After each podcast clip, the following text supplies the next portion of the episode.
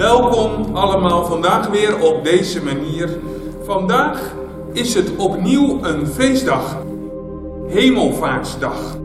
Maar dat is een beetje een vreemde feestdag. Ja, dat kun je wel zeggen. Wij zijn de absurdisten Roggeveen Oleijenhoek. Vandaag is het dus Hemelvaartsdag.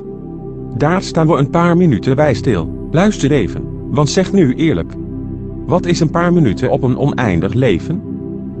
Waar gaat het eigenlijk over? Hemelvaart wordt meestal voorgesteld door Jezus die naar omhoog gaat, alsof hij de lift neemt naar de hemel.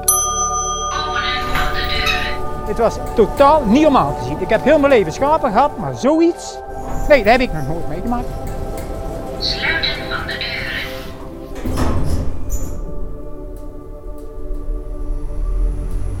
Heftig zeg. Ja? echt ongelooflijk heftig. Zo, dat is echt alsof je gewoon in een compleet andere wereld zit. Ik heb een spannende vraag. En die gaat over zelfbevrediging.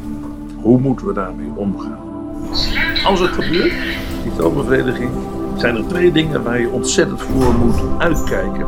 En dat is in eerste plaats het gevaar van seksuele fantasieën met iemand die niet jouw huwelijkspartner is.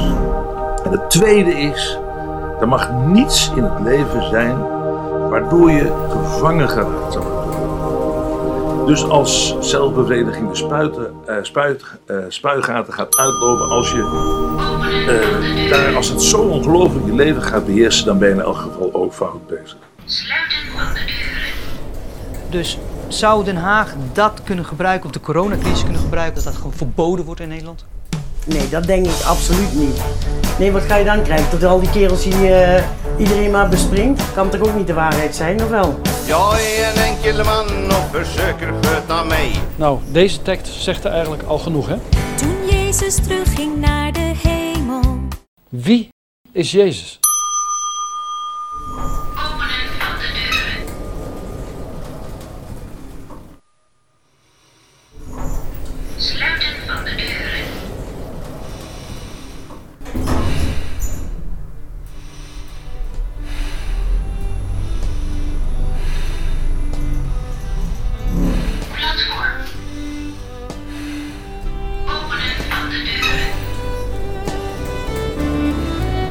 Ik zie een poort wijd open staan.